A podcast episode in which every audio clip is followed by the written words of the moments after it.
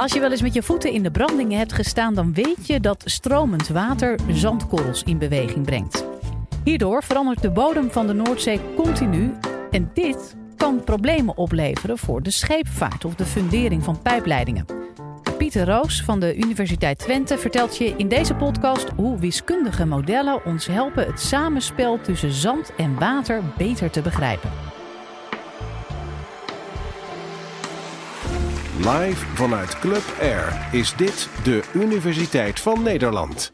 Wie van jullie heeft er vroeger als kind wel eens met een emmertje en een schepje op het strand gespeeld?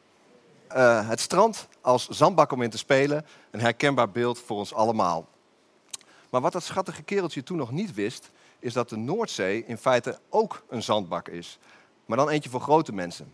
Die halen er zand uit voor de kustbescherming, uh, voor de aanleg van een tweede Maasvlakte. Uh, ze leggen pijpleidingen en zetten er allemaal windmolens neer. Allemaal activiteiten uit de civiele techniek. En dat is het vakgebied waar ik nu met mijn wiskundige achtergrond werk aan de Universiteit Twente. En om die activiteiten goed te managen, moeten we bovendien beseffen dat die Noordzee een dynamische zandbak is. En daarmee bedoel ik eentje die voortdurend van vorm verandert. Uh, en dat laatste komt door de laag water die erop staat, van enkele tientallen meters.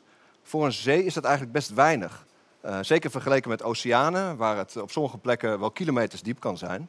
Maar hoe dan ook, die laag water die beweegt heen en weer door de getijstroming en de golven die we allemaal wel kennen. En iedereen die wel eens met zijn blote voeten in de branding heeft gestaan, die weet dat stromend water ook zand in beweging kan brengen. En dat fascinerende samenspel van water en zand zorgt ervoor dat er allerlei fascinerende patronen liggen. Denk maar aan de welbekende ribbels op het strand. Ja, en wat ik mij dan altijd afvroeg is, hoe ontstaan die ribbels eigenlijk? En vandaag voeg ik daar specifiek aan toe, hoe helpt de wiskunde ons om die ribbels beter te begrijpen? En dat is de vraag die ik uh, vandaag met jullie ga beantwoorden. Maar ik ga dat niet doen voor die kleine ribbeltjes op het strand, maar juist voor hun grotere broers en zussen op de diepere delen van de Noordzee. Want stel, je laat de hele Noordzee leeglopen, dan liggen ook daar op de diepere delen grote ribbels. En stel, je doet hetzelfde op deze beroemde plek bij San Francisco, dan blijkt ze daar ook te liggen. Deze grote ribbelvormen noemen we zandgolven. En ze zijn hartstikke belangrijk voor de civiele techniek. Hoe dat zit, hoor je zo. Maar eerst even wat kenmerken van die zandgolven. Met een afstand tussen de toppen van enkele honderden meters en een hoogte van enkele meters zijn ze inderdaad een stuk groter dan die zandribbeltjes op het strand. Verder vind je ze op heel veel plekken, dus niet alleen in de Noordzee of bij San Francisco, maar in nog veel meer ondiepe zeeën over de hele wereld. En tenslotte zijn ze dynamisch. Het zijn in feite grote hopen zand die langzaam wandelen over de bodem van de zee. En dat wandelen doen ze met een snelheid tot uh, ongeveer 10 meter per jaar. En als je ze weghaalt, zijn ze in een paar jaar ook weer helemaal teruggegroeid. Uh, en door deze eigenschappen kunnen zandgolven problemen opleveren uh, voor de scheepvaart, voor pijpleidingen en ook voor windmolenparken. Als een zandgolf bijvoorbeeld een vaargeul binnenwandelt, kunnen schepen vastlopen. Eh, om dat te voorkomen moet er gebaggerd worden. En als je dat slim wil doen, moet je kunnen voorspellen hoe zandgolven bewegen en teruggroeien. En die kennis is ook nodig voor het duurzaam ontwerp en onderhoud van pijpleidingen en windmolenparken. Je wilt natuurlijk voorkomen dat weer door die bewegende zandgolven een pijpleiding los komt te hangen. Of een uh, fundering van een windmolenpaal bloot komt te liggen. Kortom, zandgolven zijn niet alleen erg fascinerend, maar ook nog eens van groot praktisch belang. Dus als ik iets specifieker formuleer, dan is onze vraag: hoe ontstaan die zandgolven op de bodem van de Noordzee?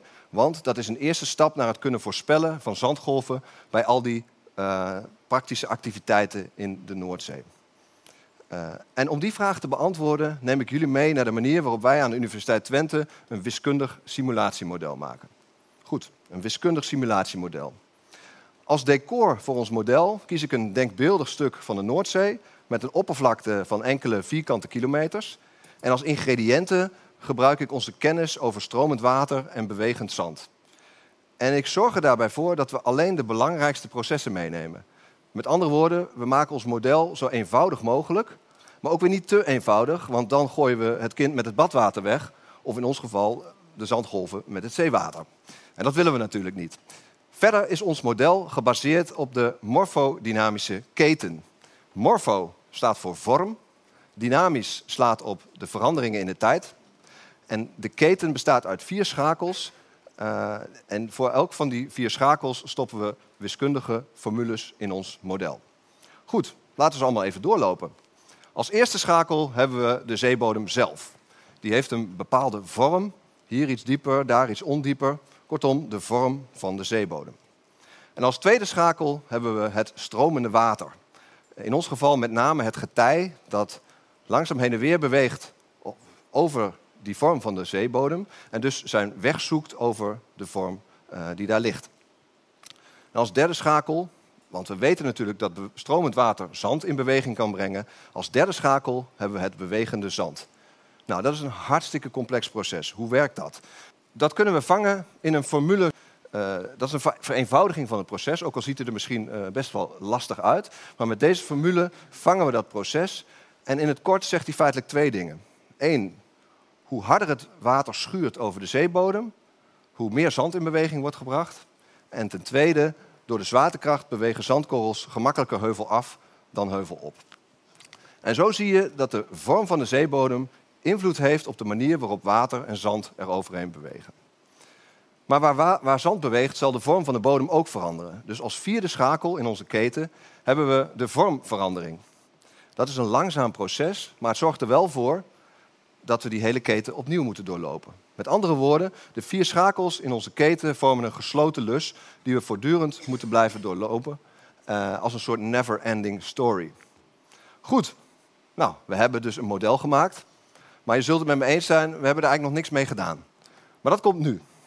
Ik ga laten zien dat binnen die gesloten lus van zo even zandgolven kunnen ontstaan als gevolg van een soort morfodynamisch sneeuwbaleffect. Goed, en om dat te doen gebruik ik een zogeheten stabiliteitsanalyse. Even een uitstapje, wat is stabiliteit? Onder stabiliteit verstaan we of iets wel of niet bestand is tegen verstoringen. Is die vlakke bodem stabiel of instabiel?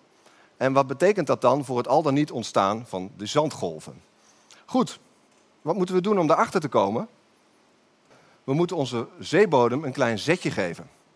En uh, binnen ons model dus hier zie je de vlakke bodem. Betekent dat zetje geven van die vlakke bodem dat we wat random verstoringen gaan aanbrengen. Een hobbeltje hier, een putje daar, noem maar op. Kijk maar. Dat noemen we de bodemverstoring. En de vraag is nu, wat gebeurt er met die bodemverstoring in ons model? Wel, dat, kunnen we uitrekenen.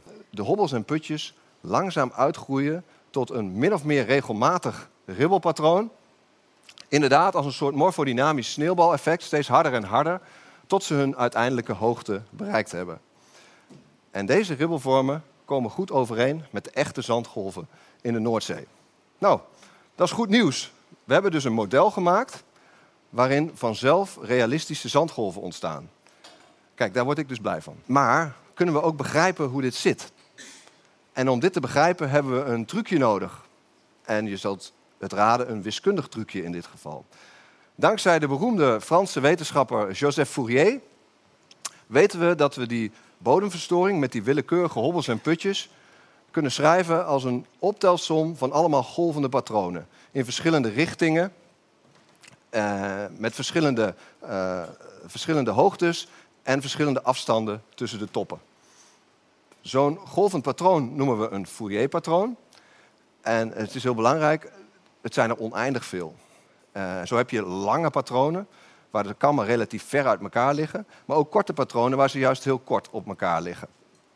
En het is belangrijk om te beseffen dat in die willekeurige vorm van hobbels en putjes alle mogelijke zandribbelvormen al opgesloten zitten. Alleen zodanig dat je ze niet afzonderlijk kunt waarnemen. Goed, en zo kun je die simulatie van zo even ook zien. Als een optelsom van allemaal losse simulaties, allemaal losse filmpjes. Eentje per Fourier-patroon. En nu komt het. En dat is het lastigste van, uh, van het verhaal. Omdat zolang die patronen nog laag zijn, blijkt dat we die losse simulaties ook allemaal afzonderlijk kunnen uitrekenen en analyseren. En dat is een heleboel werk. Maar dat vinden we niet erg. Het is een heleboel werk, maar wel een stuk gemakkelijker en inzichtelijker dan in één keer die simulatie voor die hele random bodemverstoring als geheel. Wat betekent dat nou per Fourier-patroon? Wat blijkt is dat elk Fourier-patroon qua hoogte of groeit of dempt. En daarnaast kan die zich ook horizontaal verplaatsen. En dat is weer dat wandelen waar ik het net al over had. De richting en de afstand tussen de toppen blijven daarbij gelijk. En of een patroon groeit of dempt, eh, dat varieert per patroon en wordt bepaald door een competitie tussen twee effecten. Enerzijds de getijstroming en anderzijds de zwaartekracht. Goed, hoe zit dat? Heuvelop blijkt het getij net iets anders te stromen dan heuvelaf. En gemiddeld over beide fasen van het getij, dus zes uur de stroming deze kant op en zes uur de stroming de andere kant op, blijkt er netto een soort netto getijstroming te ontstaan uh, die geneigd is om de zandkorrels van het dal naar het top te duwen, omhoog dus. En dat terwijl de zwaartekracht juist het tegenovergestelde bewerkstelligt. Die trekt dus de zandkorrels naar beneden. En het is precies deze competitie die, die per patroon bepaalt of die wel of niet groeit uh, of dempt. Goed, voor de korte patronen, want die zijn relatief steil, blijkt de zwaartekracht het sterkste effect te hebben en wint de zwaartekracht het van de getijstroming. Deze patronen dempen dus. Maar voor de wat langere patronen met de kammen loodrecht op de stroming, blijkt het omgekeerde te kunnen gebeuren, namelijk dat het getij wint en die patronen kunnen dus groeien. Goed, wat ook kan, is dat alle patronen dempen. Dat kan bijvoorbeeld als de zee te diep is, of als de korrels te grof zijn, of als de stroming te zwak is. In dat geval uh, is de vlakke zeebodem stabiel en verwacht je geen zandgolven. Maar zodra één of meer Fourier-patronen blijken te groeien, dan is de vlakke bodem instabiel en zullen er zandgolven ontstaan. En na een tijdje wordt die simulatie gedomineerd door het Fourier-patroon dat het hardste groeit. Uh, en zoals ik al zei, dat patroon komt goed overeen met de echte zandgolven in de Noordzee. Goed, waar was het ons ook alweer om te doen? Um, oh ja, hoe ontstaan die grote zandgolven op de bodem van de Noordzee? Wel, met het model dat we samen gemaakt hebben, hebben we ontdekt dat, en nou komt het, een hele mond vol, dat zandgolven kunnen ontstaan als een instabiliteit van een zandige zeebodem onder invloed van een heen en weergaande getijstroming die die zandkorrels in beweging kan brengen. En dit model vormt de basis voor allerlei vervolgstudies waarmee wij aan de Universiteit Twente rekenen aan de effecten van al die activiteiten in de civiele techniek. Maar uh, modelleren alleen is niet genoeg. Metingen zijn ook heel hard nodig. Enerzijds bijvoorbeeld laboratoriummetingen om de ingrediënten van onze modellen steeds verder te verbeteren. En anderzijds ook metingen op zee om, te, om onze modellen te kunnen blijven testen. En dit geeft aan dat ons vakgebied erg multidisciplinair is. Je treft er civiel technici, natuurkundigen, geologen, fysisch geografen en ja, dus ook wiskundigen. Goed, tot besluit nog weer even terug naar het begin. Naar dat emmertje en dat schepje en die rare ribbels op het strand. Uh, als kind hebben we ons er allemaal wel over verwonderd. En na vandaag weet je bovendien, als je deze fascinerende verschijnselen uit de natuur wilt verklaren, ontdek je vanzelf hoe mooi en nuttig wiskunde kan zijn. Dankjewel.